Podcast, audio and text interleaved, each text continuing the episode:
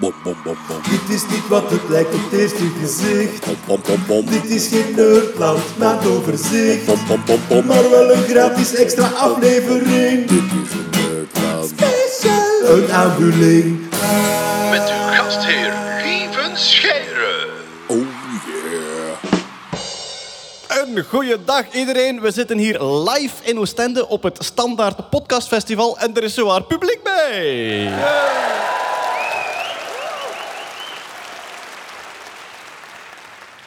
Het is half elf 's morgens. Welk gevolg dat gaat hebben op mijn gemoedsgesteldheid, eh, dat valt nog af te wachten. Eh, Dat zullen we nog zien. Ik zit hier natuurlijk niet alleen. Bij mij zit Jeroen Baert. Hoi. Hetty Helsmoordel. Hallo. Kurt Beheid. Goedemiddag. En Peter Berks. Goedemorgen. Het is een special, dus we zoeken een onderwerp. We zochten een onderwerp voor vandaag. We zijn op het Standaard Podcastfestival.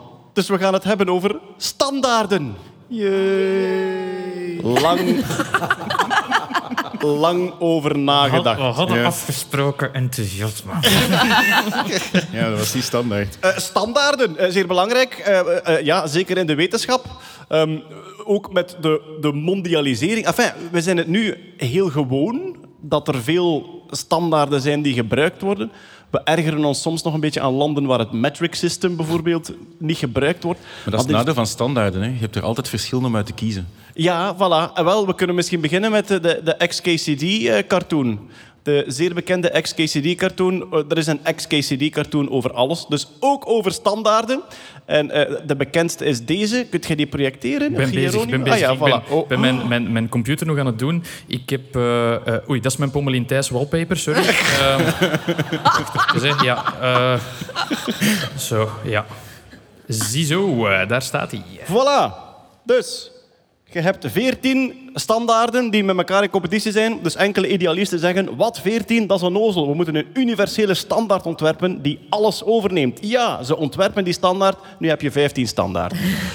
dat is de situatie die heel vaak gebeurt, maar daar moet daarin gekozen worden, zodat iedereen hetzelfde gebruikt. En dat is zeer handig, want Hetty, als verschillende mensen verschillende standaarden gebruiken, dan kan dat al een keer geld kosten. Ja, zeer veel geld zelfs. Ehm, in 1999 was er een eh, ruimtetuigje dat in een baan rond Mars moest terechtkomen. Moest daar het klimaat van de, van de planeet gaan observeren, kijken of daar water was enzovoort. En eh, op het moment dat dat in een, in een orbit rond Mars moet, moet binnenkomen, gaat het fout. Plots verliezen ze de communicatie, niemand weet wat er aan de hand is. Ehm, vermoedelijk is dat ding ofwel opgebrand in de atmosfeer van Mars, of is dat afgeketst op de tamelijk dense atmosfeer en in een soort oneindige baan om de zon terechtgekomen, wat niet de bedoeling was. Dat is juist, ruimtetuigen kunnen afketsen op een atmosfeer. Een beetje gelijk dat je met een steen kan keilen. Hè? Ja. Kunnen die echt zo terug omhoog eh, geketst worden. En eh, na veel zoeken is het, eh, het euvel eh, gevonden. Het is zo eh, Lockheed Martin, dat heel vaak samenwerkt met NASA voor het bouwen van, van ruimtevaartuigen. Geen sponsor. Nee. Ah nee, dat moet hier niet, sorry. Maar ze mogen bellen. Ja. had gewerkt in het systeem met pondseconden, hè, pounds, eh, dus niet in het metrisch systeem. NASA had de software geschreven in newtonseconden, dus in het metrisch systeem. En eh, het, het, getal dat uit het ene kwam, is gebruikt als input voor het andere, maar dat stond dus in een andere eenheid. Wacht, er zijn verschillende soorten seconden. Eh, eh, Newton-seconden. Maar dat is, dat is thrust, denk ik, Ja, van de voor motoren. de, voor de motoren. Ah ja, oké. ja, Ja, ja. dus de thrust van de motor kun je ofwel in ja, pond nog iets uitdrukken of kilogram nog iets. Hoeveel kracht dat eruit komt, die ja. seconden op de klok. Oké. Ja, ja, ja, inderdaad. Maar dat is een factor 4,5 verschil. ehm, dus ze zijn dat ding van 300 miljoen dollar kwijtgeraakt. Dit ding, ik heb het op het scherm gezet. Het ziet er... Ja. Ik vind het niet spijtig dat het kwijt is. Het Ja, dat was zo Ja, 1900. absoluut. Het is zo- zo'n beetje een koelkast met een zonnepaneel tegengeplakt, vind ik. Dat Eh, zijn de meeste satellieten wel. Ja, dat zijn zo, zo koelkasten die net een trauma meegemaakt hebben en daarom zo'n dekentje gekregen hebben. Dat is eigenlijk meestal de Het vorm laatste van... dat ze daarvan gehoord hebben is laat me gewoon gaan. Het ding is, de fout zat eigenlijk bij Lockheed Martin, omdat zij niet in het SI-eenhedenstelsel gewerkt hebben. Maar NASA heeft eh, de schuld op zich genomen. Zij hebben gezegd, wij hadden dat beter moeten checken. Ehm, het ding is, er zijn ook twee navigatoren geweest die dat eigenlijk opgemerkt hebben eh, op het moment dat hij richting Mars aan het vliegen was. Maar eh, hun zorgen zijn afgewezen omdat zij niet de regels voor het invullen van het formulier om hun zorgen te documenteren hebben gevolgd. Ze hebben de standaard van het formulier niet gevolgd. Ja, inderdaad. Daar waren ze wel streng op. Metric system niet zo. Allee zeg. Ja. Maar, ehm, dus het waren de Amerikanen die wel het metric system gevolgd hebben. De... Nee, nee, nee, nee. NASA. NASA volgt het metric system. Ja, ja. Lockheed Ja. Martin zat nog met de pound. En Lockheed Martin is Amerikaans of Brits? Amerikaans. Ja. Dit is, De- de dit, Lockheed Martin was de, waren degenen die de satelliet gebouwd hebben. En ik dacht dat Jet Propulsion het navigatiesysteem deed. Ja. Dit is Maar het verschil tussen het geplande traject dat hij moest volgen en het, het traject dat was misgelopen. En omdat dat traject eh, fout was, zijn ze hem kwijtgeraakt. Hij is te laag in een baan rond Mars binnengekomen, waardoor dat hij ja, ofwel opgebrand is in die atmosfeer of, Nou, of geketst. 170 kilometer te laag. Weet je wiens schuld dat is dat die satelliet eh, kapot gaat? Van de bevolkingsgroep hier. Nee, sorry. Ja, e- eigenlijk wel. Oh. Van de Pirates of the Caribbean. Wat? De Pirates of the Caribbean zijn de oorspronkelijke oorzaak dat die missie verkeerd gelopen is. Omdat die die standaard hebben niet? Nee, dat kan Ik neem jullie mee naar eind 18e eeuw. Oh, we- we- Ehm, goed, je hebt Franse revolutie. Dat is het moment dat in Europa de standaarden worden gezet. Hè. Alles wordt tiendelig gemaakt en gerationaliseerd.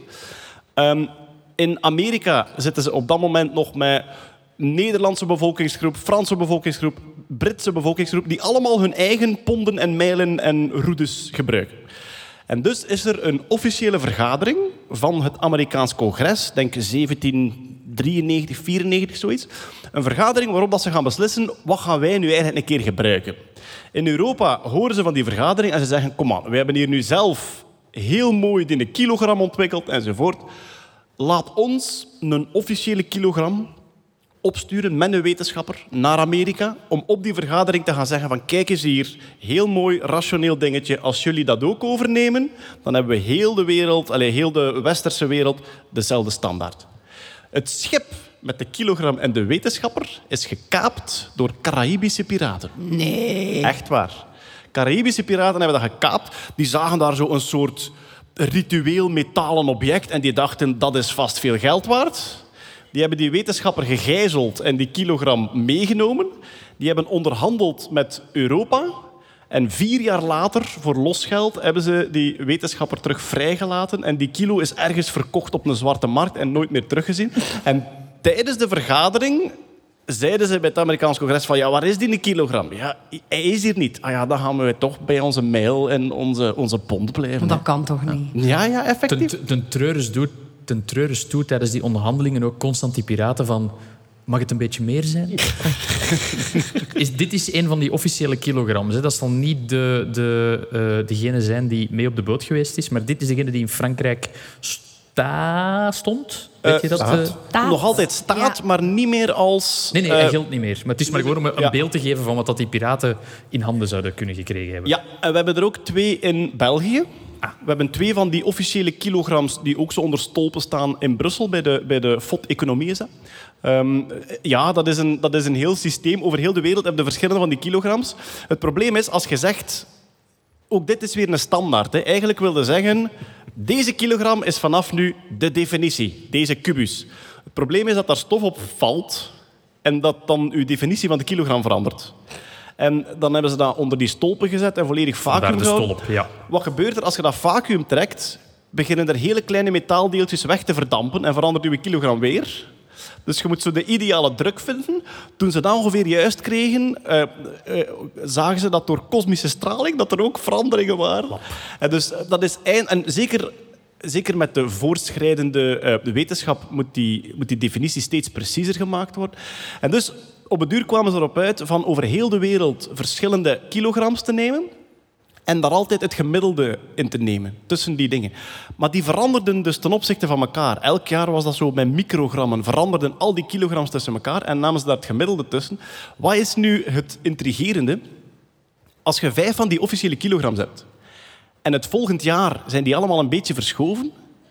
We weten niet of dat er ene zwaarder geworden is of andere lichter. Dat weet je gewoon Ah niet. Ja, omdat je... En natuurlijk, want het is de definitie. En je kunt nergens mee vergelijken. Dus dat gemiddelde, dat schommelde een beetje. Alleen wisten ze niet waar dat, dat precies aan lag. En dat is opgelost sinds twee jaar geleden.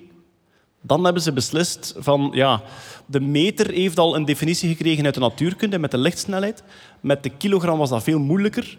Maar de oplossing om ook de kilogram vast te leggen in natuurkundige termen is gevonden met de prachtige formule E is mc kwadraat. E is mc kwadraat koppelt energie aan gewicht, hè, dus aan, ja, aan massa. Massa. Wacht, ik moet opletten wat, wat, wat ik nu zeg. Er zit een leerkracht middelbaar rond. Er, zijn, er is maar één bevolkingsgroep in heel de wereld die het verschil tussen massa en gewicht heel belangrijk vindt. Dat zijn leerkrachten middelbaar onderwijs. Ehm, en dus hebben ze eh, via ESM... Fysica trouwens. Ja, zeker, ja. Hebben ze ES... eh, ja, dat is waar. Die van Duits, die eh, tillen daar zo zwaar niet aan.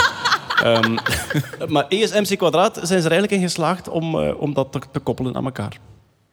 Jaan, het metric system. Iemand die de oorsprong kent, metric system?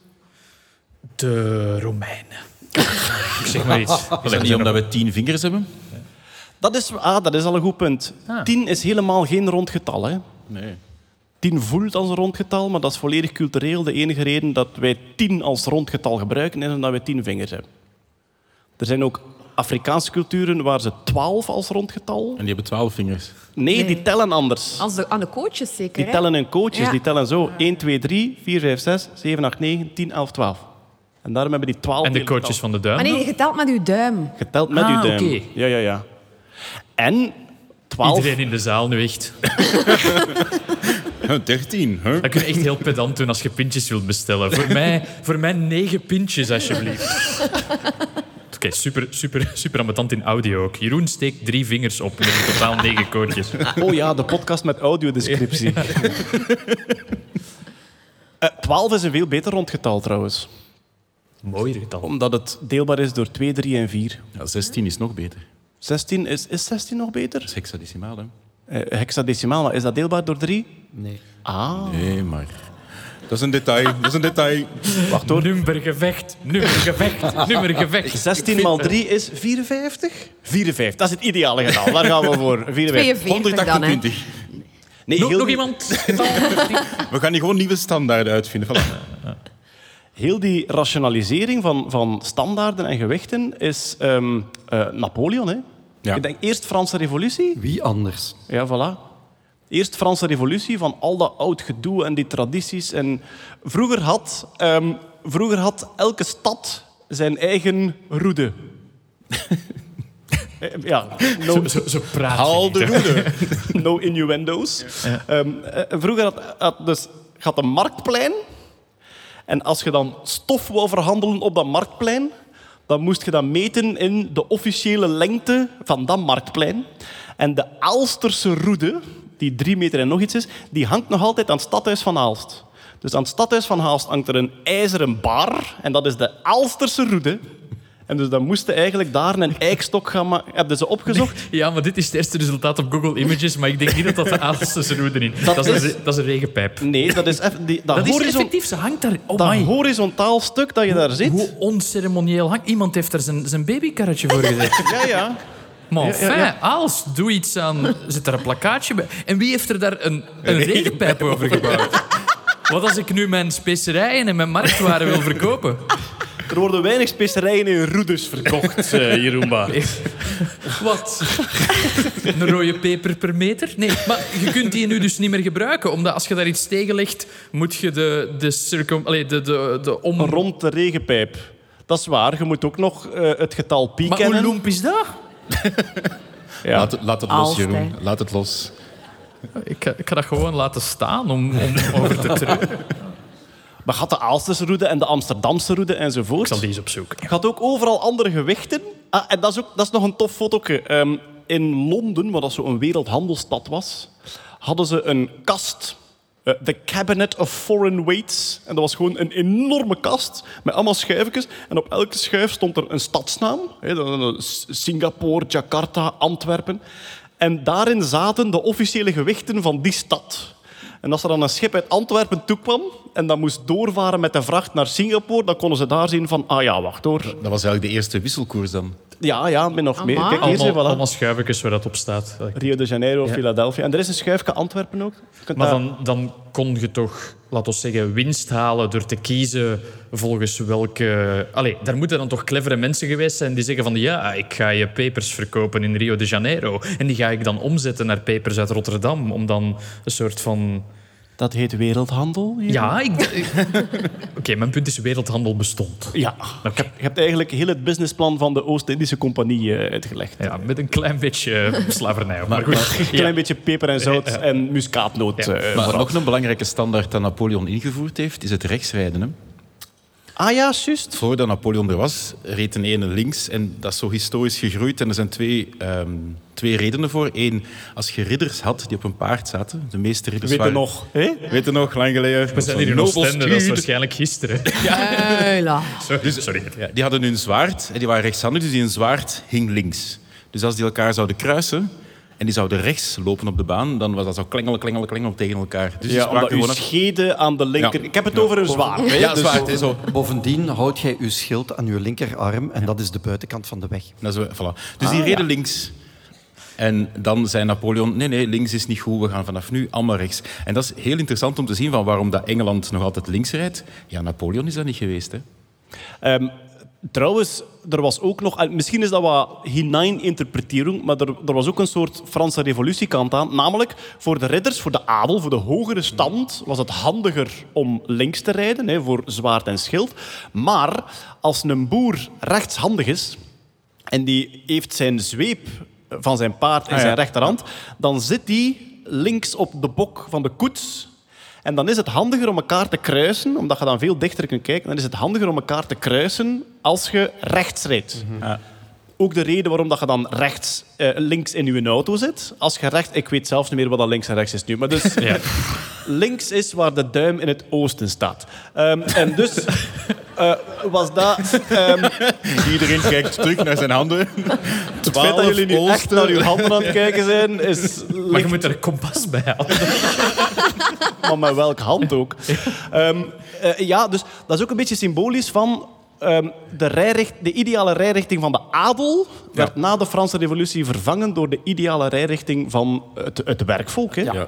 Zou je dan kunnen zeggen, even een bijvraag, heeft Napoleon de centimeter meegedefinieerd? Zeer zeker. Ah, dat is belangrijk, want dan kan ik vertellen dat Napoleon zijn penis uitgemeten is. Want die is namelijk verkocht na zijn dood. Dat is een, een As you geliefd do. ding. As you do. Iemand heeft dat tijdens de autopsie. eh, ze weten nog altijd niet wie. Eh, op bepaald moment was er een pauze tijdens de autopsie. En ze kwamen terug. En eh, de, de kleine Napoleon was weg. Oké. En, en die is dan uiteindelijk opge... een een uroloog in New York heeft die gekocht in 1977 voor 3000 dollar. 3000? Maar dankzij Napoleon kunnen we dus ook meten hoe lang de penis van Napoleon is. Maar ja, met, Was kosmische stralen zijn er wel elementjes. Ja, ja, dat is waar. Ze hebben die niet onder een stol bewaard. Ja, we- Goed, er kan wat variatie op zitten, dus we moeten op verschillende continenten penissen van Het Napoleon ja, ja, wegen. voilà. 3,8 centimeter. Dat, eh, 3,8. in rust, veronderstel ik. Ja, in rust. Allee, in eeuwige rust. In eeuwige rust en vergiftigd. Ja. Ja. En afgekapt en waarschijnlijk al langs tien handelaars gepasseerd. Maar ja, kijk van. Maar, eh, dus, hetgeen dat je zegt, Franse revolutie en Napoleon.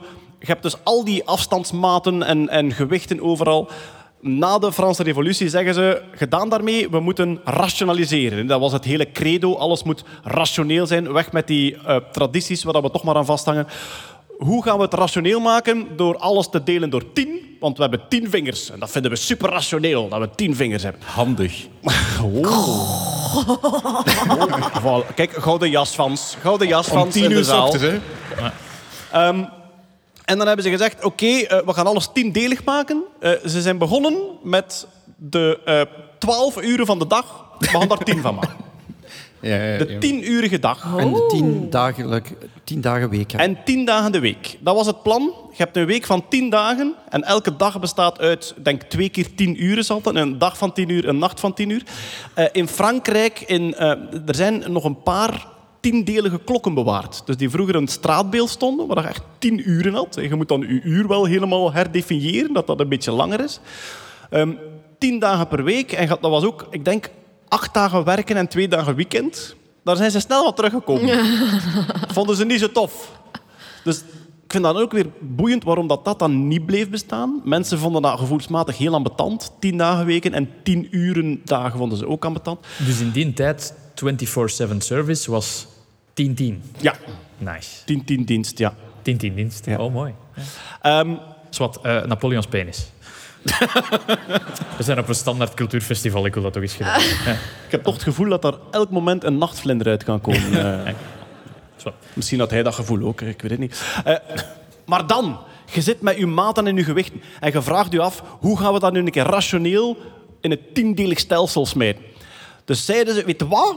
We gaan gewoon definiëren dat de afstand van de pool tot aan de evenaar, dat dat 10.000 kilometer is. Gewoon per definitie. Ah ja, Ah ja, oké. ja. Ja, ja, Jij wordt ook aan het denken van, maar dat is, dat is toch niet? Maar de kilometer bestaat toch niet? Is Nee, het het bestaat nog niet. Ze Ja, moeten hem nog uitvinden.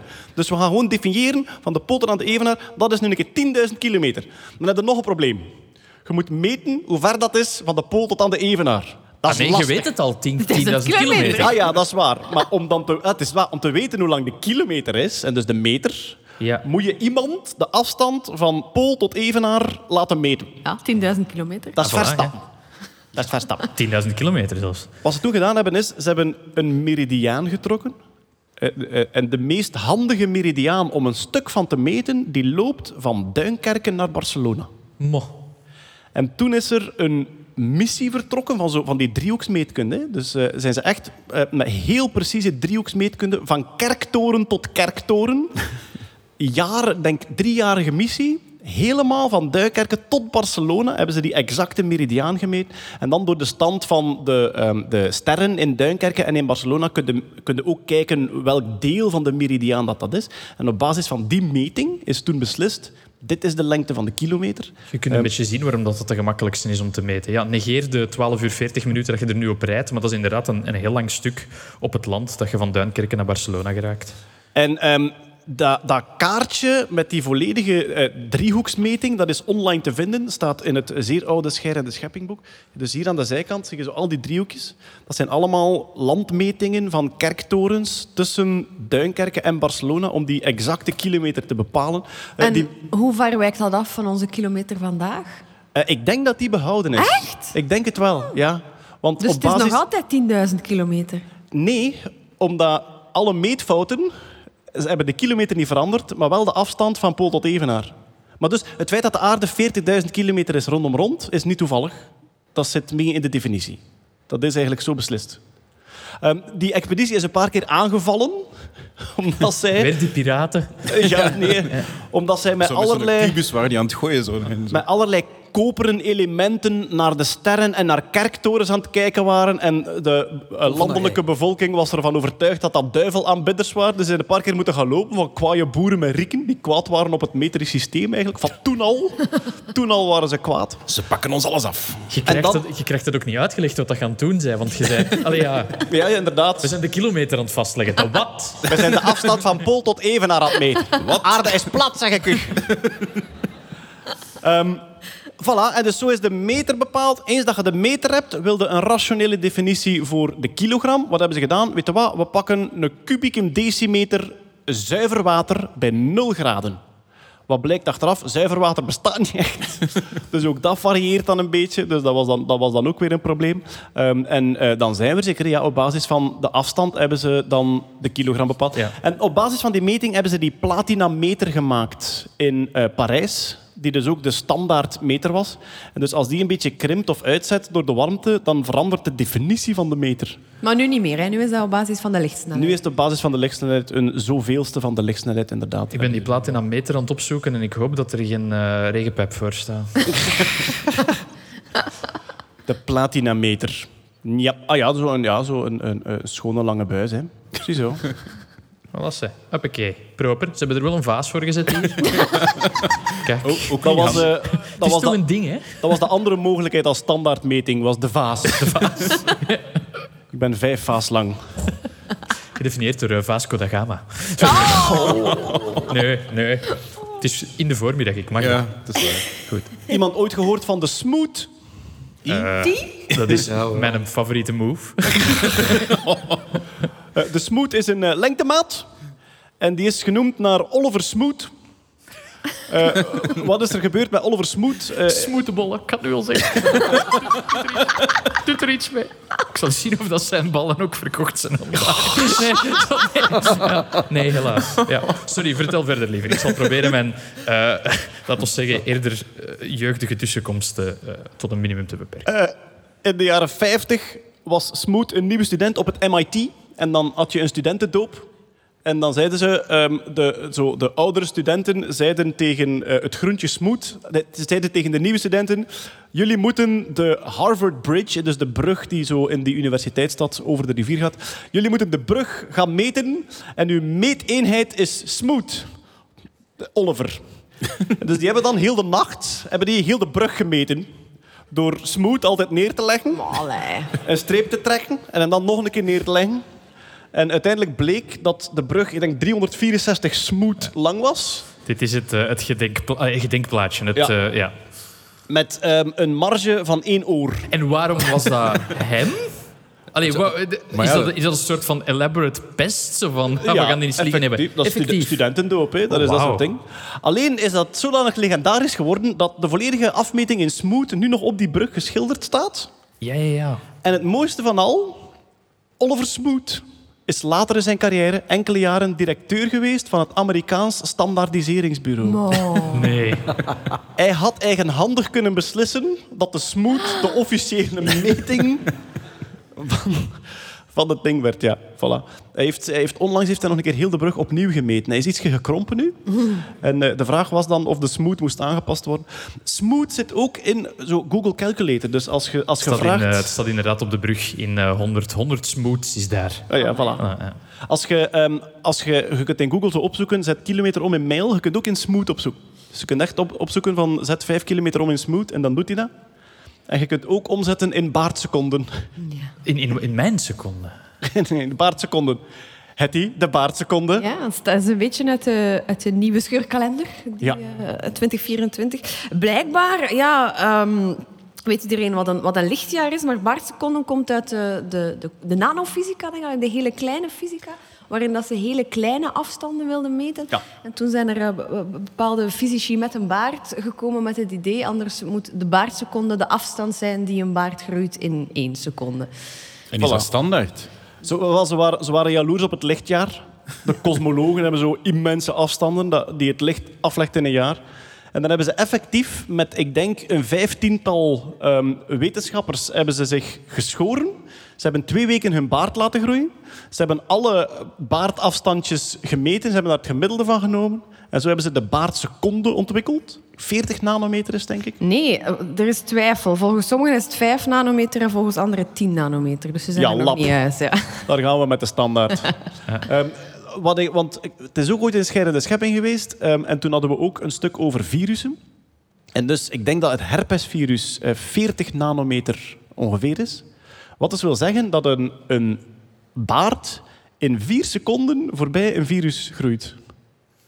Dus mocht je ooit, ik weet niet hoe je het ooit zou beleven, maar stel dat je een virus naast een baardhaar legt, Ja. dan ga je, je moet er in geld op inzetten.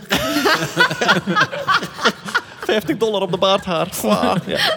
Dan is die daar eigenlijk in vier seconden voorbij gegroeid. De baardseconde. De, Oké. baard, de baardseconde is ook iets dat, eh, dat wij in onze slaapkamer meten. Ja, Eh, dat is uw, eh, or- dat is uw orgasmetijd. ehm, ja.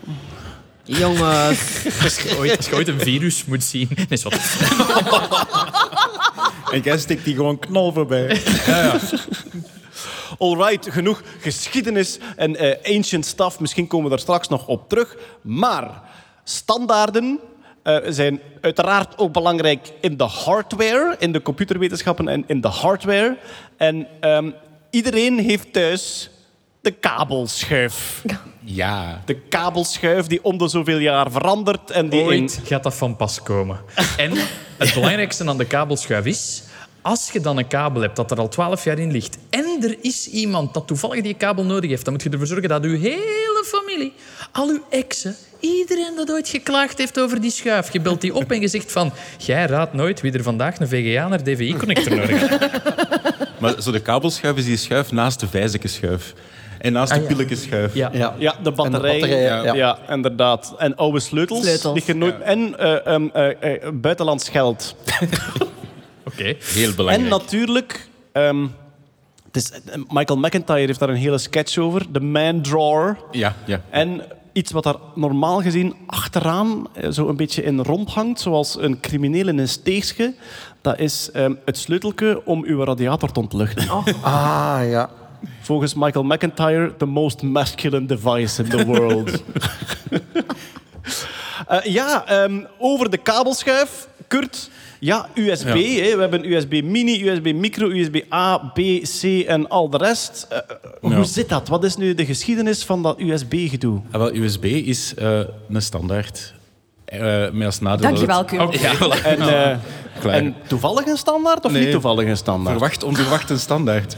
Ehm, nee, maar het probleem is dat USB, ja, dat is de definitie van een standaard is, er zijn er heel veel om uit te kiezen en dat evolueert heel hard. Ehm, en ja, iedereen heeft waarschijnlijk wel gemerkt dat nu de nieuwste iPhone eindelijk ook USB-C gebruikt. Dat heeft wat voet in de aarde gehad. Apple is al lang bezig met MacBooks en iPads al van USB-C te doen. En dat is eigenlijk... ehm, de directe aanleiding is ja, de Europese Unie die gezegd heeft van hey mannetjes, we gaan een keer stoppen met die kabelschuiven. Dat is gewoon heel, heel ehm, veel electronic waste. We gaan ervoor zorgen dat vanaf nu, eigenlijk vanaf eind 2024, moeten alle smartphones verplicht USB-C gebruiken voor charging. De eerste symmetrische USB. ehm Eh. Lightning, dus het kabeltje van Apple, was dat ook eigenlijk dat is geen USB, hè? Eh, nee, maar het was ook een standaard. Allee, ja, wat, alles zijn standaarden. Maar het is vooral, dus voor bedraad opladen is dat nu de verplichting. Ehm, en eigenlijk voor laptops is tegen eind 2026 moet het ook USB-C zijn dat standaard eh, meegeleverd wordt. En dat heeft natuurlijk een stevige impact, want iedereen heeft die kabelschuif. En mens of man als we zijn, we zijn daar ook wel een beetje trots op. Ehm, en die verliest nu een beetje waarde. Maar vooral ook, ehm, heel veel iPhone-gebruikers hebben heel veel accessoires die dat daar mooi in pluggen. En mocht je nog een beetje terug in de tijd gaan en zo die eerste iPhone-stekker, die een brede... die een brede, ja, Die een brede, toen dat zo het, ehm, de overgang naar de Lightning, dat klein dingetje dat je kon omdraaien, dan waren er al adapterstukjes om in je oude devices te kunnen steken, zodat je dat je Ja. een iPhone nog altijd in je Bluetooth... Ah, nee, Bluetooth was nog niet de standaard, maar in je speaker kon gebruiken en zo. Wij zijn toch echt de podcast die het meest het woord de standaard gaat gebruiken. Dat is waar, ja. We worden extra betaald daarvoor. Oké, ja. Maar, ik ga hem op mij. Ehm, en, en de grote reden waarom dat, een van de vermoedens waarom dat Apple daar zo lang tegengehouden heeft, is van dat ze daar bezorgd om waren over al die mensen die zo accessoires hadden. Maar eigenlijk was het ook gewoon, die Lightning connector was gewoon gepatenteerd. Dat was van Apple. Dus iedereen die dan een Lightning kabel wou maken, die moest geld betalen aan Apple. Allee, het ging over geld of wat? Allee, jong. Jongen. Hoe kan dat was, ik, heb, ik had onlangs wat die, die Apple-kabels die zijn dus ten eerste achterlijk duur, onverklaarbaar duur. Ehm, en ten tweede gaan die achterlijk snel kapot. Wat dat een combinatie is waar ik heel kwaad van word. Terecht. En nu onlangs ehm, bestelde ik een, ehm, een oplaadkabel naar Lightning, naar Apple Lightning op eh, Coolblue. Geen sponsor. Geen sponsor. Apple ook niet. En dus ehm, ik bestel een, een officiële eh, Apple-kabel en ik doe op enter. En ik krijg van Coolblue een bericht. We zien dat je een officiële Apple-kabel wil bestellen. Wij hebben een goedkopere kabel die steviger is. die hebben dus zelf... Echt? Ja, ja. Die hebben gewoon zelf gezegd van kijk, dit is onze Coolblue-kabel. Die kan het ook allemaal en hij gaat minder rap kapot. Wat pijsde. Ik dacht van, deal. Hopla. Maar het is, het is verwarrend, hè, Kurt, want nu die USB-C-kabel, Ja. niet elke USB-C-kabel is hetzelfde. Daar komt Voilà, daar gaat daar ik- nog kom komen. toe. sorry, Ja, Ja, ja, ja. nee, ja, nee, ja, die- oh, you're in for a world of pain. Ja, absoluut. Kunnen we beginnen bij USB-A? Want dat was Ja, de eerste, Ja, hè? Nee, nee, USB-A en B zijn eigenlijk tegelijkertijd ontstaan. Allee, nee, wacht, sorry. Nee, nee, nee. Fout, fout, fout. Spoel terug. USB-A was de eerste, logisch. Het zou een beetje belachelijk zijn om B als eerste te En doen. wacht, hoe maar, zit het? Dus USB-A mag bloed geven aan USB-B en USB-B niet aan... Of hoe was het? Maar USB-O, nee, negatief, nee. Ehm, eigenlijk voor USB, en mensen van iets of boven de 30, denk ik, zullen nog wel weten, die hadden had daarvoor heel veel stekkertjes. Je had zo PS2, zo van toetsenbord en de muis, zo die groene en die Oh, blauwe ja, stekkertjes. Dat, dat, groen, dat groene linksonder voilà. hier. Ja, voilà. Eh, hier, hier bijvoorbeeld allemaal adapterstukjes. Ja, Achter dat is ons, PS2. Ja. achter ons op ons beeld zijn een hele hoop oude stekkertjes te zien. Ah, ja. En eh, zo, ja, de, Audiodescriptie. de, computer, de computerpioniers die het allemaal nog meegemaakt hebben. En dat is juist. Ik zat mijn USB-kabel van mijn muis in te pluggen in zo'n groen plastiekje waar dat dan een rond stekkerken aan hing. En dan, ja. Iedereen met een kabelschuif thuis weet Heeft- nu, heeft zo, heb ook- ik, zo heb ik er nog twaalf. Ooit gaat dat van pas komen. Maar zelfs daarvoor hadden nog hadden seriële en parallelle poorten. Mensen dat vroeger zo van, parallel, oude, ja.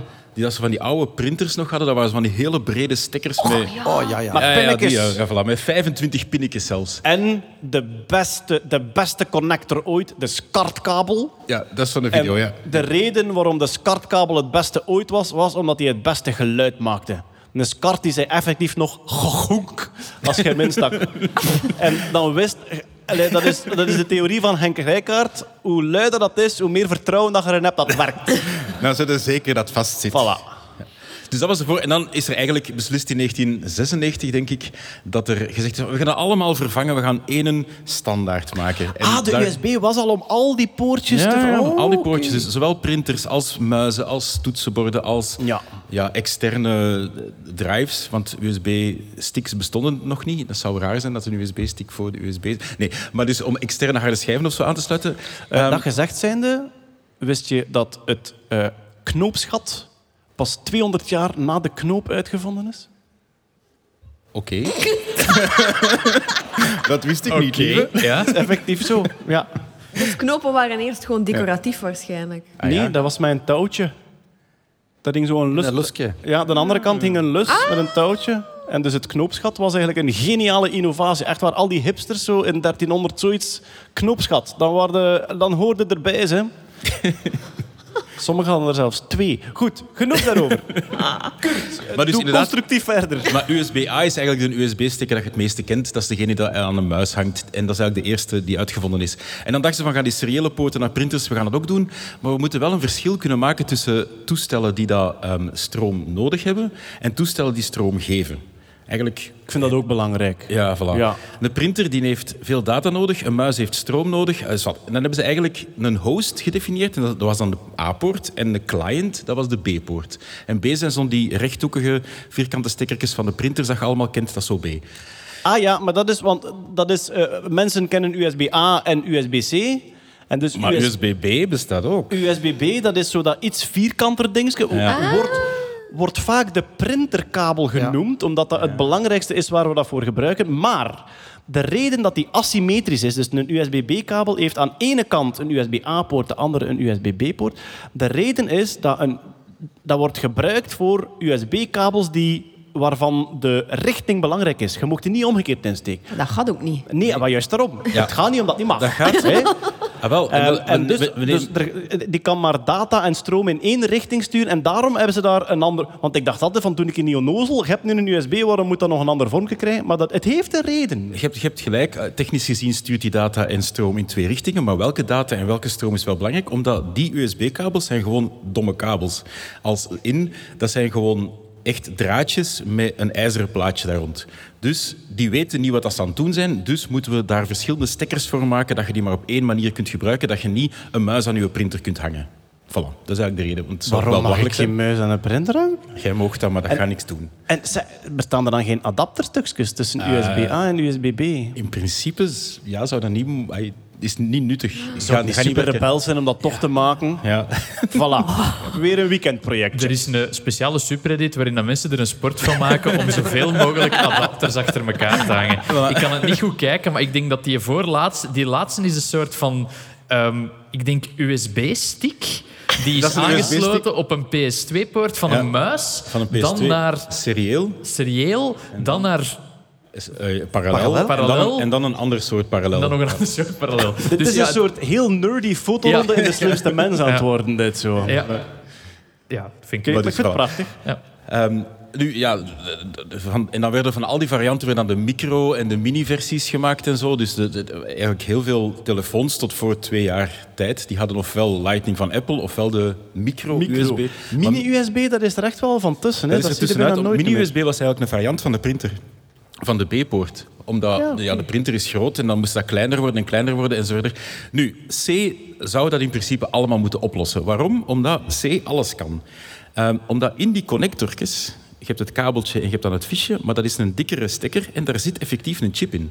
Daar zitten weerstandjes in, daar zit eigenlijk een regulator in die dat zegt van, wat zit jij aan het doen hier? Er zit een minicomputer in. Er zit een minicomputertje Ja. in het fiche van... Bij de Lightning van Apple was dat ook al. Ehm, maar in USB-C, in de kabel zelf, zit daar effectief een chip in. En die doet eigenlijk twee grote dingen. En dat is het toffe aan USB-C. Is dat, waarvoor je een kabel nodig? Voor twee dingen. Voor stroom te geven, voor je telefoon op te laden bijvoorbeeld. En voor data door te geven. En USB-C, je kunt van je telefoon dingen doorgeven, maar een scherm kun je ook op USB-C. Of een harde schijf ook. Ehm, dus dat kan heel veel dingen. Dat kan data op verschillende snelheden doorgeven. Een scherm heeft een bepaalde snelheid nodig, een harde schijf heeft een bepaalde snelheid nodig, een muis en zo verder ook. Maar vooral ook stroom en, en voltage ehm, kan dat ook. Want vroeger, als je zo de gewone kabeltjes had, ja, ik heb een adapter voor mijn telefoon en ik heb een adapter voor mijn computer. Ja, ik mag die niet van op het een of het ander doen. Want een computer heeft bijvoorbeeld 20 volt nodig om op te laden, een telefoon 5 volt. Je weet, als je een lamp de verkeerde voltage geeft, dan gaat die kapot. En een domme kabel Ja, geeft en een domme kabel- de voltage door die Voilà. binnenkomt aan de ene kant naar de Voilà. andere. Ja. Dus dat mag niet. Nu, die USB-C die regelt dat wel. En dus de adapter langs de ene kant, de stroombron langs de andere kant en het toestel langs de andere kant, die babbelen met elkaar. Daar zitten effectief, in die chip zitten protocollen in, zodat je kan zeggen hoeveel volt heb je nodig. Ja, ik heb 5 volt nodig. Oké, ik geef 5 volt. Hoeveel ampère heb je nodig? Ja, ik heb zoveel ampère nodig. Oké, ik geef het door. En dus je mag perfect een adapter van je computer gebruiken om je iPad op te laden, zolang dat je allemaal USB-C gebruikt. En de juiste kabel, want dat is hetgeen wat Jeroen zegt. Voilà, inderdaad. Niet elke kabel heeft de juiste chip om die power delivery, zo heet dat, die chip eigenlijk, die power delivery chip, om die goed uit te lezen. Ehm, en ja, goed- Daar hebben ze zichzelf in de voet geschoten. Je hebt Ja. nu iets dat overal op past, maar het feit dat het past, betekent niet dat het geschikt is om te doen wat dat je ermee wilt doen. Dus het Een probleem metafoor gewoon van de- voor het leven, naar- eigenlijk. Je kunt perfect vier kabels hebben, USB-C, in je schuif liggen, en maar twee of drie van die kabels kunnen voldoende power leveren voor je laptop Ja. op te laden. Of zo. Dus we hebben toch nog een Terug naar af. kabelschuif nodig. Ja, toch Ah, wel. absoluut. Maar het probleem nu is dat we niet meer zien aan het fiche wat voor kabel dat is, Ja. dat je er labeltjes moet aanhangen. Nu, Apple heeft daar natuurlijk ook Is er gedacht al een van... standaard voor die labels? Ja, de... De di- hoe is dat? Die Dimo?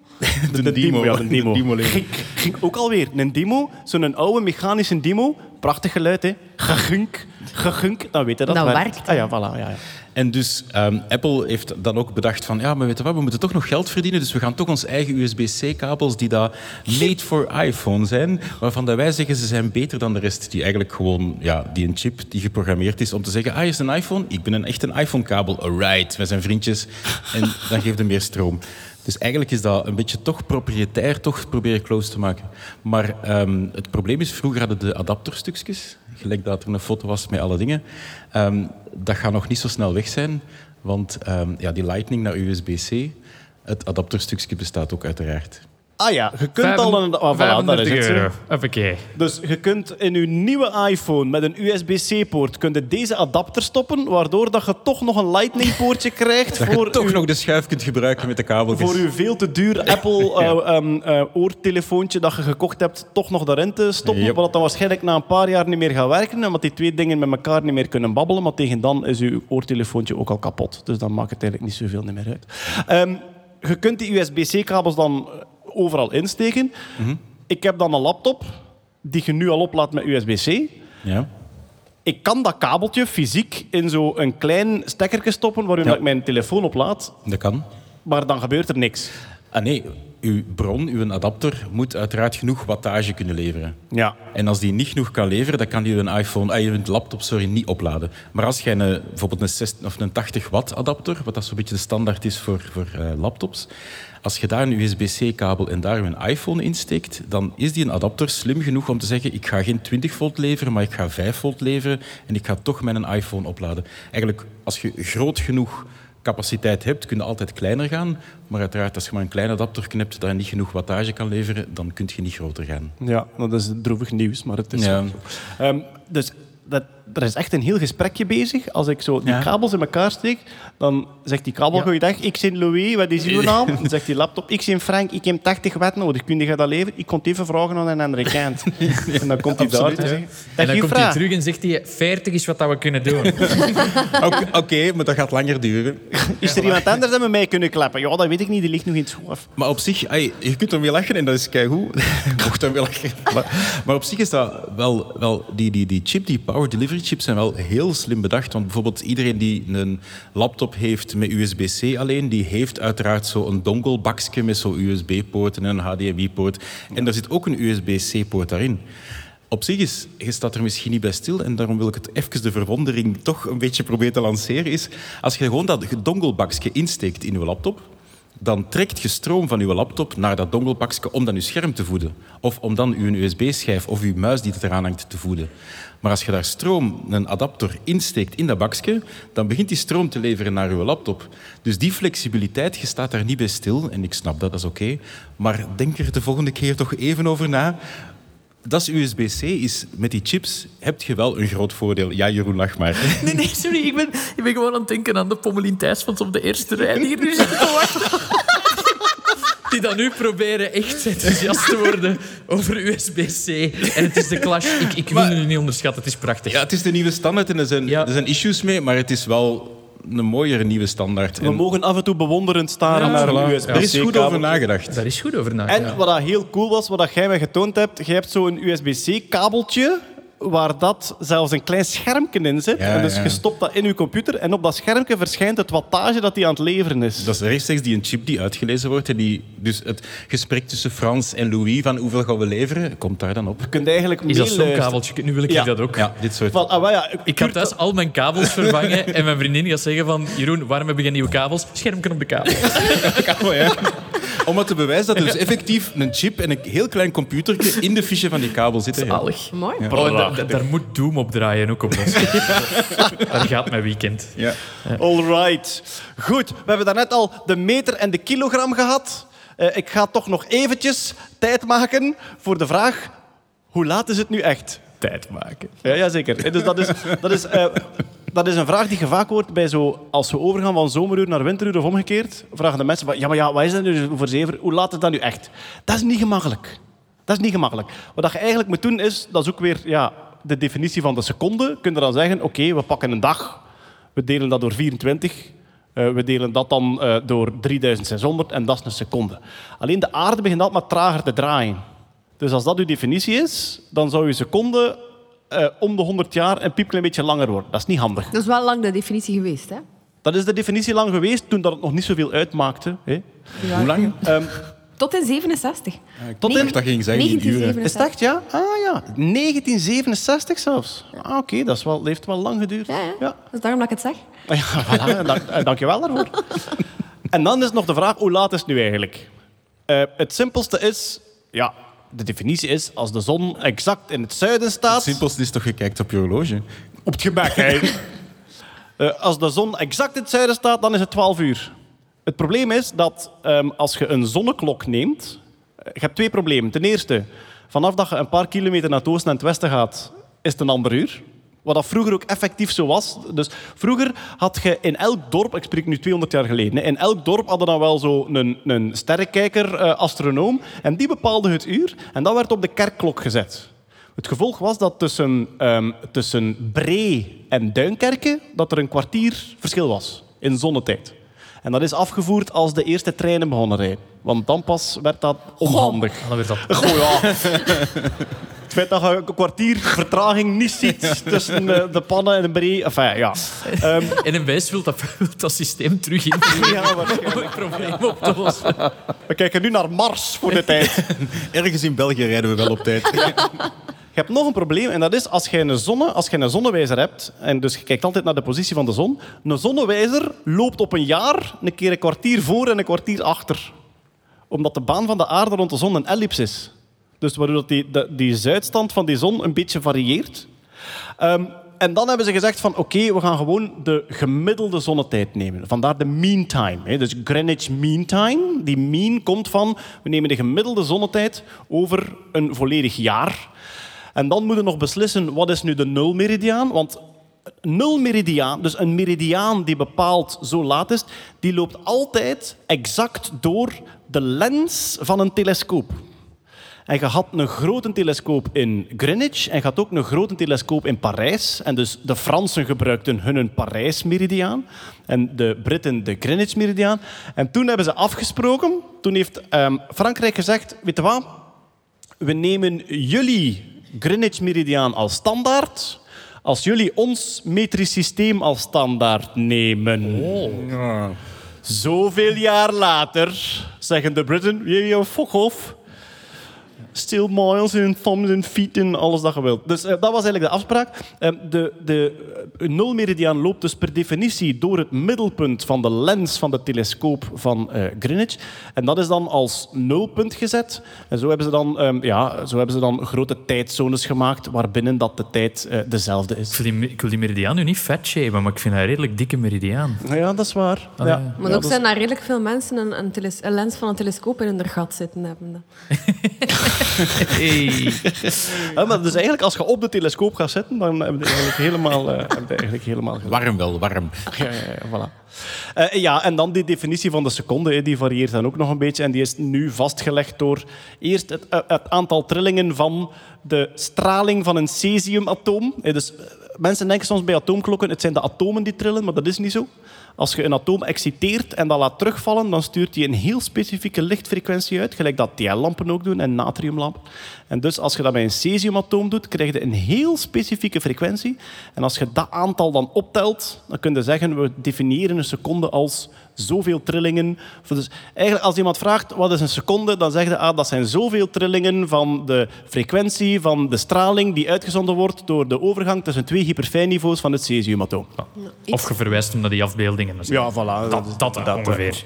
En, weer- er zijn verschillende atoomklokken op deze planeet, een 500-tal, en daar wordt het gemiddelde van genomen. Inderdaad, ze hebben nu zelfs een Zo. nieuwe atoomklok die nog 300 keer preciezer is dan de vorige. Wat kan je doen met die atoomklok? Ehm, hoogteverschil meten. Als je een atoomklok op de grond zet en je zet die drie meter hoger, door het verschil in zwaartekracht en de relativiteitstheorie tussen de twee, kun je gewoon die tijdsverschillen meten en zien hoeveel hoger de ene atoomklok staat dan de andere. Er staat er eentje in eh, de Koninklijke Sterrenwacht, denk ik, een Ja. atoomklok. En ook een bij de FOD Economie. Ik vond het wel grappig. Eh, Blijkbaar, als je de juiste tijd in België wilt weten, dan moet je surfen naar juistetijd.belgium.be. Prachtig. Ik dacht dat je naar Ginder moest gaan. Goeiedag, ik kon mijn horloge gelijk zetten. Weten jullie wat er gebeurd is in 2021? Op, Veel. eh, op, eh, ja, veel. Oh, ja, dus, Ik was toen ziek. Op, op 8 januari, blijkbaar het Europese elektriciteitsnetwerk, op ieder zijn elektriciteitsnetwerk staat een puls. En die is gedefinieerd als 50 pulsen per seconde. 50 hertz, ja. 50 hertz. En sommige wekkerradio's gebruiken die puls, die, er, wordt- die dus verondersteld wordt van er altijd te zijn op dat elektriciteitsnetwerk, om hun klok te regelen. Ah, dus om de 50 zetten die de seconde eentje hoger. Voilà, ja, inderdaad. Nu was er, door middel van een of andere centrale in Oost- in Oost-Europa die uitviel, was die puls op het Euro- Europese elektriciteitsnetwerk was die onder de 50 hertz gevallen. Die was namelijk gezakt tot 49,75 hertz. Waaruit dus op die dag iedereen zijn eh, wekker langzaam maar zeker uit Achter sync begon te ging gaan. ja, ja. Ik vond dat heel cool. Ik wist niet dat dat nog bestond. Ik Maar dacht als je dat niet doorhebt, dan weet het... Dat is toch... Nee, maar ja, maar het is wel interessant. Misschien is het nu ook nog maar... Misschien, ja. Maar mijn gsm hangt niet aan het 50 hertz-netwerk van... Nee, Nee. nee. zo werkt dat niet. Die maakt verbinding met een server. En, De We gaan van- nog even terug naar de computerwetenschappen. eh, want eh, ja, vooral bij, bij websites. eh, eigenlijk, ik vind, ik vind het wonderlijk hoe dat de datastromen door heel de wereld flitsen. En wat voor een complete soep van eentjes en nulletjes dat Ja, die toch hun dat. weg ik, ga, ik ga het niet te lang maken, maar als ik aan standaarden denk, dan denk ik altijd van... Ik ben computerwetenschapper. Het is echt absoluut een wonder dat computers werken in the first place. Dat is echt complexiteit op complexiteit op complexiteit. Dat zou niet horen te werken. En ik wil gewoon even inzoomen. Stel dat je surft naar eh, podcastfestival.be. Eh, wat dat er gebeurt tussen het feit dat jij op enter duwt En dat die site op je scherm verschijnt. Want er ge- gebeurt zoveel dingen, dat zoveel met standaarden op elkaar werkt, dat het een wonder is dat dat werkt. Stel, je, laat ons zeggen, je zit aan een computer thuis en je drukt podcastfestival.be in. Uw computer moet nu verbinding maken met een andere computer op het internet, want dat is het internet, gewoon een hoop verbonden computers. En op die andere computer staat de website van het podcastfestival. Hoe vind ik die andere computer? Ah, daar heb je dat adres voor, podcastfestival.be. Maar ja, computers werken niet met adressen, die werken met nummers. IP-adressen, internetprotocoladressen. Hoe kom ik het IP-adres van podcastfestival.be te weten? Ah, dan is er een soort van, eh, een soort van register, een DNS-register, waarin dat al die IP-adressen staan. En ah, nerdland.be, dan moet je naar daar. Podcastfestival.be, dan moet je naar daar. Goed, hoe vind ik dat register? Ja, niet via... Een, je kunt niet naar de telefooncentrale bellen om een telefoon... Nee, dat, dat is mis. Ik zeg maar gewoon, je geraakt niet op dat adres... De...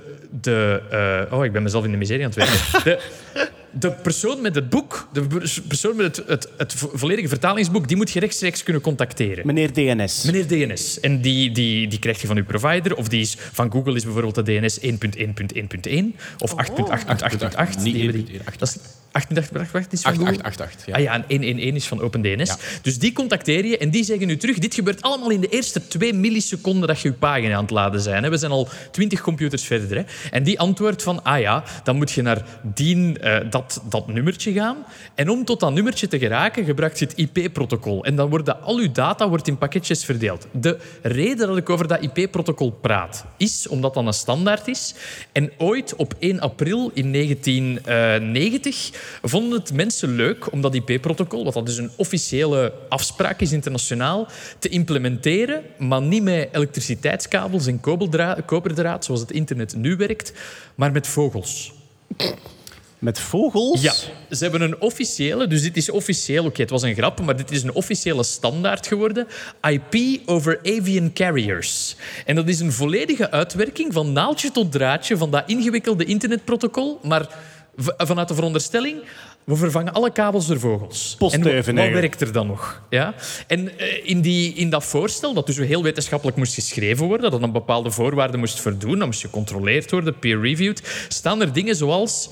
In Nieuw-Zeeland zijn er bepaalde carriers, want het wordt dan niet gespecificeerd welke vogel, die enkel en alleen korte stukjes kunnen vliegen als het daar licht is. Want in Nieuw-Zeeland is er een bepaalde vogelsoort die enkel en alleen vliegt als er licht is. En dat kan er wel eens heel kort zijn met de stand van de evenaar. Dus in dat protocol staat, als je in Nieuw-Zeeland internet over vogels wilt, dan kunnen alleen tijdens die tijdstippen. Ja.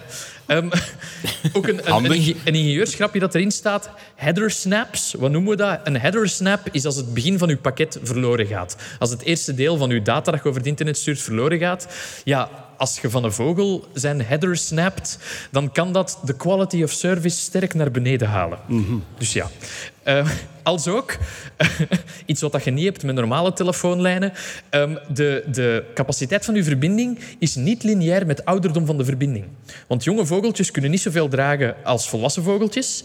En volwassen vogeltjes, als die seniorenvogeltjes worden, kunnen die weer minder dragen. Dus er is een hele grafiek in dat voorstel van hoe snel dat uw internet gaat zijn, afhankelijk van welke vogel. Nu, dat was allemaal nog theoretisch. Ze hebben dat uiteraard geïmplementeerd. In 2001 hebben ze voor het eerst RFC 1149, zoals dat protocol heet, geïmplementeerd eh, aan een universiteit in Noorwegen. Ze hebben dat geïmplementeerd met, dus het wordt gemeten in het aantal pakketjes dat terugkomt, een ping zogezegd. Dus je stuurt een pakket uit, komt er een pakket terug, negen duiven. Er waren echter wat problemen. Ehm, om 12.15 uur zijn ze begonnen en om de 7,5 minuut hebben ze een duif losgelaten met een pakketje naar een ander deel van de universiteit die 10 kilometer verder zat, die dat, dat pakket, pakketje moesten ontvangen, een antwoordje schrijven, terug aan die duif geven en die duif terugsturen. Ja? Iets wat dan normaal op het internet gebeurt onder milliseconden. Ehm, het probleem was, de plek waar ze die duiven loslieten, er was een andere troep duiven die niet deel was van het experiment, die aan het spelen waren in de lucht. Hekkerduiven. Dus het eerste half uur zijn al hun duiven blijven spelen in de lucht. Our pigeons didn't want to go home. They wanted to fly with the other pigeons instead. Dus je hebt eigenlijk, als je zo, als je zo een wifi-signaal hebt, maar in diezelfde frequentie zitten nog vijf andere signalen, het was dat een beetje Ja, het was dat. eigenlijk. Dus we gaan spelen met de andere signalen. Ehm, na, na een uur spelen met de andere duiven waren ze het moe.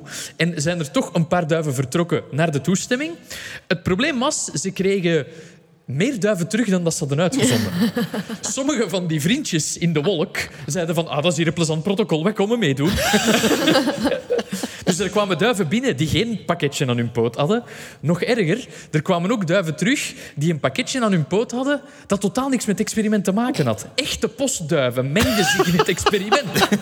Uiteindelijk hebben ze dan, zoals het een, een experiment hoort, een, officiële, ehm, eh, een officieel verslag gemaakt. En eh, de, de snelste ping was eh 660, nee, 6.165.731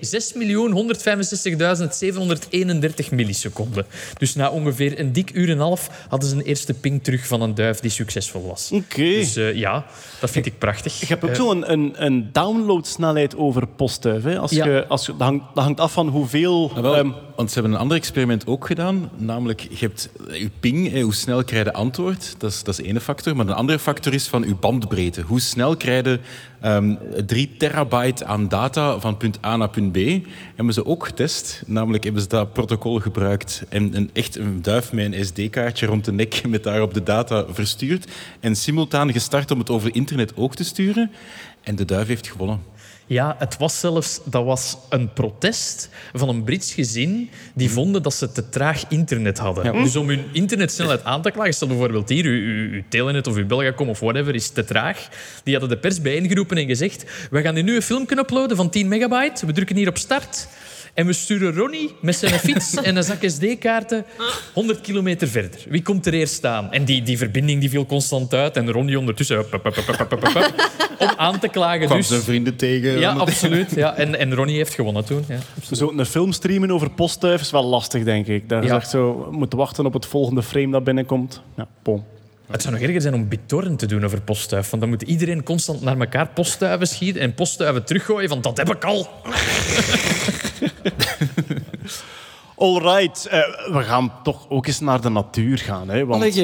Pe- Peter zit er al zo lang te zwijgen. Ehm, Peter. Het belang, het belang van biologie ten, over, ten overstaan van techniek. Hè. Je ziet nu waar dat we staan. Hè. Ja, voilà. Dat is waar. Maar dus, Maar ja, eh, standaarden in de biologie en in de eh, entomologie, ja, dan gaat het vooral over de soortnamen en de over, taxonomie, over denk ik. taxonomie, hè. Ja, dus taxonomie is, eh, is wetenschap die zich bezighoudt met het klassificeren van organismen. Niet alleen Ja. van dieren, maar dus ook planten, schimmels, bacteriën, alles. Waarbij dat ook heel belangrijk is, wat is nu een verschillende soort en wat is geen Ja. verschillende soort. Als ik me niet vergis, is de definitie, je bent dezelfde soort als je vruchtbare nakomelingen kan krijgen. Dat is één van de twintig definities van een soort.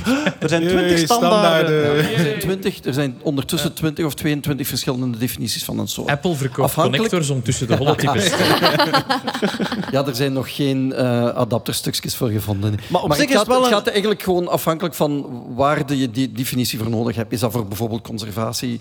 Ja. Dus, ehm, is dat voor fossielen te beschrijven? Dus overal heb je altijd wel afwijkingen op, dat, op die ene definitie van oké, je hebt een soort als twee dieren van dezelfde soort vruchtbare nakomelingen kunnen produceren. Het is wel een intelligente definitie, want Tuurlijk. dat wil zeggen, als je die verschillende rassen dan binnen dezelfde soort, als je die samenvoegt, omdat ze vruchtbare nakomelingen krijgen, gaan die wel vermengen tot Ja. één soort. Terwijl een leeuw en een tijger kunnen een nakomeling krijgen, maar die is onvruchtbaar, Ja. waardoor dat die eigenlijk... Ja, maar bijvoorbeeld het, de definitie soort kan je ook onderuit halen. Er bestaat zoiets als een ringsoort.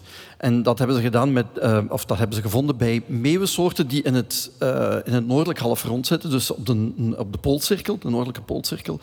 En je hebt dus vijf of zes of zeven soorten meeuwen die ene soort kan eh, nakomelingen produceren met eentje die daar iets boven zit. Die met eentje die daar nog boven zit. Maar die twee, dus waar die ene tussen zit, dat gaat al niet meer. Dus effectief een adapter. Ja, en, en ondertussen, als je dan terug naar beneden gaat, dan zit je cirkel rond. Die twee die kunnen ook weer nakomelingen. Maar ja, zo met, als je dan één of twee stapjes daartussen uithaalt, dan gaat dat weer niet meer. Dat was over die kruisdieren gesproken. We gaan er eens drie proberen. Een gaap, een gaap is een mix Ja. tussen een... Geit en een schaap. Oké, dan dat kon gaan ook we een naar... scheid zijn, niet? Een scheid kan ook inderdaad, maar dat wou Nee, ik... maar daar is ook een regel voor. Ja, ja, Want ja. Ah. Wie is- de- Wie de man en wie de vrouw is zeker, hè? Ik denk deel 1 manneke, deel 2 vrouwtje. Ja. Dus een scheid is een eh, ram met een vrouwelijke geit. En een gaap is een bok met een eh ooi. Deze geloof ik niet. Walfijn. Gewoon praktisch. Hey, dat is eh, stevig, hè? Ja, ik hoop, eh, ik hoop dat ehm, eh, het niet het manneken is die de walvis is. Ah, jawel, hè. bij de Walfijn ja. wel, hè. Bij de walfijn. Oh, Amai. Oh. Hallo. Zijn naam is Ja. walfijn. En Zijn is- mama heeft wat pijn. Daar ga ik niet meer over gaan. Ik had, ik had, ik had de zezel nog, maar eh, ja, dat is een zezel en een... Dat is dus een zebra. vrouwelijke ezel, Nee, zebra. Vrouwelijke zebra. vrouwelijke zebra, mannelijke ezel. Ja. Ah, ja, Een oké. ze- ze- zezel, Een zezel. mannelijke zebra. Ja, Vrouwelijke ezel, ja. Inderdaad. sorry Peter, ik vond het... Nee, is niet erg. Dus- Go. Maar dan taxonomie. Hoe begin je eraan? Taxonomie voor beginners. Iedereen kan taxonomie van Ravensburger met Peter Bergs. Ja, dat is wel niet waar. Iedereen kan Start taxonomie, ja. taxonomie. Start taxonomie. Nee, maar eh, eigenlijk begint het met... eh, ja, oké, we, we hebben al eens gesproken met eh, Joachim en Jerome, de, de die wandelende takken wandelende specialisten. takken hè. doen, ja. En die zeggen ook, ja, taxonomie, dus als je iets wilt gaan... Wat zeg je? Wandelende takken. Wandelende taxonomie. takken, ja. Ehm, als je een nieuwe soort wilt gaan, ja, hoe moet ik dat zeggen, beschrijven of ontdekken, dat is een proces dat soms twee jaar kan duren. Je moet heel veel gaan vergelijken met andere collecties en daar begint het al. Eh, dat zijn nu standaarden hè, in die collecties. Het Daar- belangrijkste is Ja. dat, je, dat je geen soort beschrijft die eigenlijk al gepubliceerd was. Klopt. Dus je gaat het dier of de plant, eender wat, het organisme dat je gevonden hebt, ga je beginnen te vergelijken met exemplaren uit andere collecties. En wat neem je dan als standaard? En dat is wat men in de taxonomie noemt een holotype. En het holotype is eigenlijk dat specifieke exemplaar dat door de ontdekker of degene die, die de soort beschrijft en die een naam geeft, dat is hetgene waarop je heel die beschrijving baseert. En dat kan een volledig dier zijn, dat kan een volledige plant zijn. Bij planten is het iets anders. Ik ga me nu beperken tot de dieren. Hè. Als Ja. je wilt. Dus ja. Dank u. Wauw. Je, je neemt één, maar je, je kan ook meerdere exemplaren nemen. En dat is wat ze noemen een holotype. Kijk, hier zit er dan in een collectie meestal altijd een rood... Ja, altijd zit er een rood briefje bij, holotype.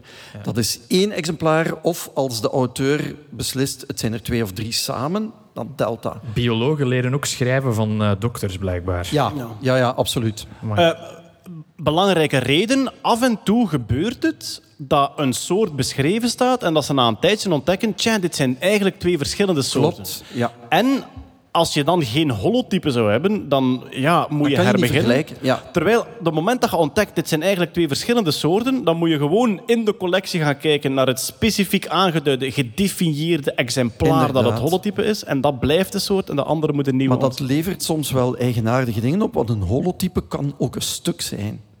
En vooral bij de dino's, dus bij de ontdekking van de dino's, heb je dat wel. dus Dan kan je eens- bijvoorbeeld alleen een dijbeen, want eh, ik, had, ik had er een afbeelding van. Kijk, dit is een dijbeen van, en nu moet ik even gaan opzoeken. Ik denk dat het Pelososaurus is. Pelor- Pelorosaurus. Pelorosaurus. Pelorosaurus humerocristatus.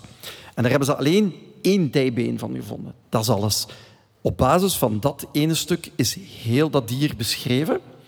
Stel nu dat er een volledig skelet ooit wordt gevonden, dan gaan ze dat niet kunnen vervangen. Ze gaan niet zeggen van kijk, we hadden nu het, dij- het dijbeen, dat nieuwe skelet wordt het holotype. Nee, dit blijft het holotype. Maar waarom? En je kunt, je, moogt dat, je kunt en je moogt dat niet meer vervangen. Maar van wie? Van, van Linnaeus. Peter. De Mag niet van Linnaeus. Inter- Internationale Commissie voor Zoologische Nomenclatuur. Oh, en daar wilde Dat geen, degenen- daar wilde geen ruzie. Ja, ja, ja. Dat zijn ook degenen die ehm, ook moeten eh, goedkeuren, dus de namen moeten goedkeuren. Dus je hebt overal in de, in, in de biologie heb je wat eh Linnaeus dan de dichotomische naamgeving heeft, dus eh, genus en soort. Je hebt altijd een dubbele naam voor elk organisme. De eerste met een hoofdletter en de tweede zonder Altijd, hoofdletter. ja. En als je dat- cursief. Belangrijk. En ja, dat wil ik juist Cursief. zeggen. In, in elke tekst moeten die namen ook cursief zijn. Ja. Meestal staat er dan ook eh, tussen haakjes ook nog, of nee, niet, niet altijd tussen haakjes, staat de, de naam van de auteur en het jaar waarin dat beschreven is er ook bij. Zeg maar, wacht even. Dus er is één origineel Ja. dier Of plant. van elk, of plant van elk dier. ja. Dus er is ergens de originele egel. Ja. Wat als we die kwijtraken, Peter? Eh, dan, ja, ah, wel, Dan verdwijnen al egels. Ja.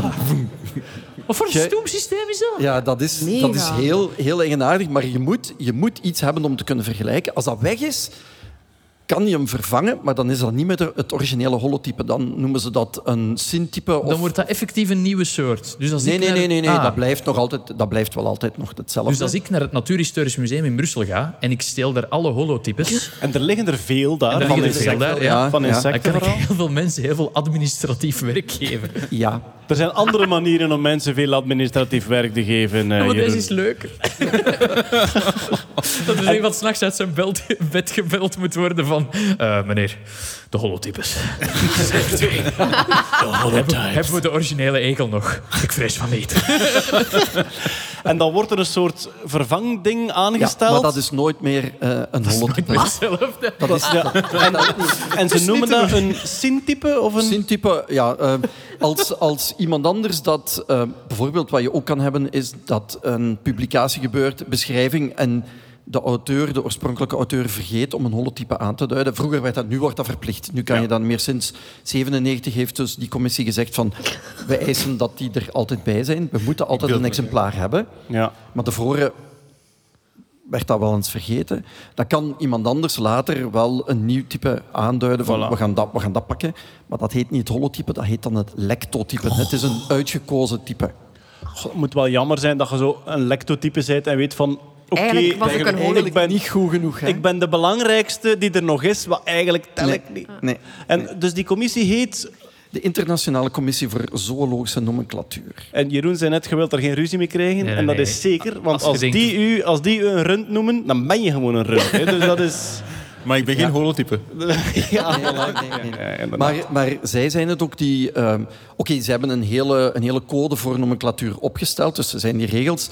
En ja, daar is dikwijls discussie van... eh, we hadden het daar straks nog erover, dat eh, sommige namen nu bijvoorbeeld vernoemd zijn naar mensen die een beetje controversieel waren in het verleden. Dat is juist, Ja, er is de- een Hitlerkever. Maar die discussie, ja, de Hitlerkever bij, bijvoorbeeld, ja. is daar eentje van. En er is al ehm herhaalde keren gevraagd aan die commissie van kunnen we dat niet veranderen? En die zeggen, ja kijk, sorry, maar wij gaan niet over de specifieke doelen waarom iemand een bepaalde naam heeft Ja, ja. toegewezen. Wij gaan enkel over de correcte regelgeving en over de vorm. You Dus gotta het have moet standards. Grieks of Latijns klinken, maar dat, dan houdt het er ook Maar, mee maar op. stel dat dat holotype nu gepikt wordt en dan komt er een nieuw type, dat krijgt niet een nieuwe naam dan. Dat kan dezelfde naam Ja, dat hangt van een auteur af. Eh, Als dat dezelfde soort is, blijft dat die naam houden. Maar dan is dat referentie-exemplaar. Daar gaat het eigenlijk om. Dat referentie-exemplaar is dan wel weg. We hebben hier de, de Hitlerkever De staan. Hitlerkever, en dat is zeer teleurstellend. Maar je ziet dat ik die in Paint heb open gedaan, dus ik kan, als ik wil... Een snorken zetten, ja. Die is die trouwens effectief door bewonderaars, Ja. eh, ehm, Ja. door... eh, Ai, door, nazi's- door echt Hij is, Ja, hij is bijna Ai. uitgestorven. Het is, het is een, eh, ik geloof een loopkever. Hij leeft ergens Oost-Europa, ergens in grotten. Het is een blinde kever. En ehm, daar zijn heel veel mensen die daar nu naar zoeken om dat als... eh, ja, hoe moet ik zeggen? Hij is bijna uitgestorven omdat ja. neonazis hem gaan Ja. zoeken als Ja, collectors item. collectors- ook wel de, collecties. iro- de ironie is, ja, de neonazis die dan... Ik wil een Hitlerkever. Ja. Ik vind ook dat die... ik ze vind- ze ik vind- steken daar geen andere dingen uit. Laat ze doen. Laat ze zoeken in de grot naar de kevers. Nee, nee, nee, nee, nee, nee, anders zijn die kevers weg. Dat moet ook Ik weer. vind, ook dat die, ik vind ook dat die gelijk maar één pootje in de lucht mag kunnen ik ga dat toedoen. Ik ga dat toedoen. Wa- Dat waarom is dat de Hitlerkever? Waarom Ja, is dat maar dit- wie- wie Omdat Die is genoemd, zo die heet genoemd... de Hupplepups Hitlerie. Maar waarom? Maar waarom? Ah, omdat de, als, je, als, je een onse- als je een insect beschrijft... Ik denk dat het is de taxonoom die de naam mag kiezen. Is het zo niet? Of de ontdekker, een van de twee? Ik denk Eh, de het is taxonoom... degene die de beschrijving doet. Wa- Want een taxonoom. dus, ja. we, we hebben al een paar keer gezegd in de podcast, er liggen heel veel onbeschreven insecten in het Natuurhistorisch Museum. Als jij u een paar jaar inwerkt in de taxonomie, dan kunt jij daar diersoorten gaan beschrijven en die ook gaan die ook gaan Je benoemen. hoeft, je hoeft, ja. je hoeft om, werk. nieuwe, om nieuwe diersoorten te ontdekken, moet je niet ergens, ik weet niet waar, in de Amazone-jungle gaan rondlopen. Je gaat gewoon naar het museum, je trekt een paar schuiven open en... En dus die persoon mag de naam kiezen. Soms wordt dat genoemd zo in Griekse termen naar eigenschappen. Altijd naar Grieks of Latijns. eh, Ja. En, En ook- meestal naar kenmerken van dat dier. Voilà. En ook vaak naar personen. Er is Ja. een Hitlerkever, er is een beest. De Hitlerkever is ontdekt, dus ik denk jaren 30, door echte bewonderaars van Adolf Hitler. En die hebben gezegd van wij noemen dat naar Ja. Hitler. Ja. Je hebt een Trump, eh mot. Trumpmot. Ja. Ja. Ah ja. Ja. Eh, je hebt ook een, je hebt een Kardashian spin of Er kever, zijn- er omdat, zijn- die, omdat die een heel schoon achterwerk had. Hebben ze die dan eh, Er Kardashian zijn, er zijn dingen genoemd. bijvoorbeeld een, ik denk een vijf of zestal verschillende organismen naar David Attenborough genoemd. Ah ja, er, is, eh, er is een, een spin die heet eh, Heteropoda David Bowie. David Bowie. Ja. Er is Dus een. Lobofemora scheri. Ja. Dat is een wandelende tak. ja. En ik heb, eens, ik heb eens wat opzoekingen gedaan naar andere namen. Ik weet niet of je deze kent, Peter. De Tyriofagus berksi. Ah, nee. De Tyriofagus Echt? berksi. Is er iets met Berksie? Oh, oké. Ja, effectief. Eh, die is gepubliceerd eh, twee weken geleden. En er staat in de etymologie... The new species is named after Belgian entomologist Peter Berks. Och, ga aan. En de beschrijver van Gaat deze meid is hier bij ons vandaag. En het is Jonas, kom erbij. Domme. Een primeur, dames en heren. Dag Jonas. Ehm, jullie zoeken naar organismen. Het zijn geen insecten, het zijn mijten, het zijn achtpotigen. En jullie hebben een nieuwe mijt ontdekt en vernoemd naar Peter Berks. Vertel eens, wat is het voor een beestje? Eh, dat is correct. Werkt dit? Ja, we horen u, ja. Ja. Dag Peter. Dus, eh, Goedemorgen. Even, even inleiden. Ik ben een lid van eh, BINCO, Biodiversity Inventory for Conserva- Conservation. En we zoeken eigenlijk naar eh, ja, nieuwe, nieuwe beestjes of gewoon biodiversiteit over heel de wereld. Voornamelijk in weinig bez- bezochte plaatsen en weinig bezochte organismen. En ik en mijn collega Dominique van Ganzenbeke, wij werken met mijten en ons eigen mijtenwerkshop gestart. En onze eerste mijt die we gevonden hebben, hebben we naar u vernoemd. Allee. Oh, hoe fijn is dat, jong? Voilà, ze. En jij hebt nog een pakketje cocaïne bij ook, steek? Of, eh? We hebben hier een officiële foto van het beestje. Het is een deuteronymf, dus dat eet niet. En dat leeft mee op andere insecten. Eh, waar leeft... eh Applaus voor Jonas. Prachtig. Prachtig. Hoppakee. Eh. Dit is... Juist. Peter, Hier twee, hebben we de meid. twee druppels water. Eh, waar is de meid te vinden? Eh, mijn collega Dominique heeft hem gevonden in Gentbrugge. Ik heb, hem, Brugge. ja, En, en eh, wat, soort, wat soort biotoop is dat? Een, ja, ik heb hem ook gevonden in Leuven. En dat is meestal op licht rotende takjes. De dakgoot. Ja. De dakgootmeid. Van, Is dat dat jij in de auto aan het eten was daarnet? Die ligt tot aan de takjes. Ja. van Beuk, maar ook van Berk. Dus dat komt ook goed uit. Oh, super. Oh, cool. Kan op berk zitten. Hij kan zich ook asseksueel voortplanten, Peter. Knock Classic. yourself out.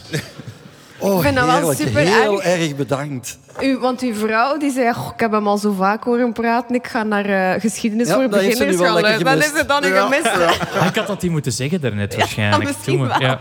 Het is gepubliceerd op 5 november 2023 in, eh, voor de mensen die het artikel willen lezen, Going Asexual, A Survey of Mites of the genus Stereophagus, uh, Acari, dubbelpunt, Acaridiae, revealing a large number of new pathogenic species in the whole Arctic region. Dat is dus een echte wetenschappelijke publicatie waar dat Peter Berk zijn meid... Nee, ik ga dat anders formuleren. Waar dat, waar dat er een meid genaamd naar Peter Berks in staat. En dat is officieel nu. Hoe cool is dat? Hoe cool is dat? Dank je wel. zeg. Een, dat is de ideale huishoudhulp. Een achtpotige asseksuele meid.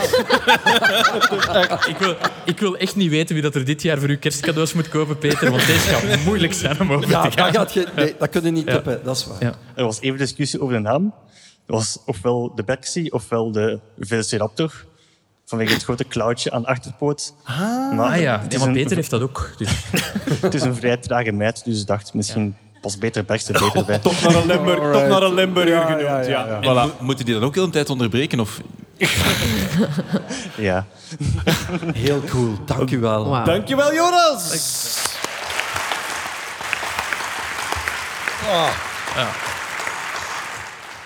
Voilà, ze, en daarmee gaan wij afsluiten voor vandaag. Heel erg bedankt om hier op een zaterdag voormiddag naar onze nerdy gezever over USB-poorten en IP-adressen te komen luisteren. En Nog heel veel plezier op de rest van het festival. Dankjewel, Jero Waard, Doei. Hetty Helsboortel, Bye. Kurt Beheet, Peter Berks, bekend van de Theriofagus Bergsie. En dankjewel aan jullie allemaal. Tot de volgende keer.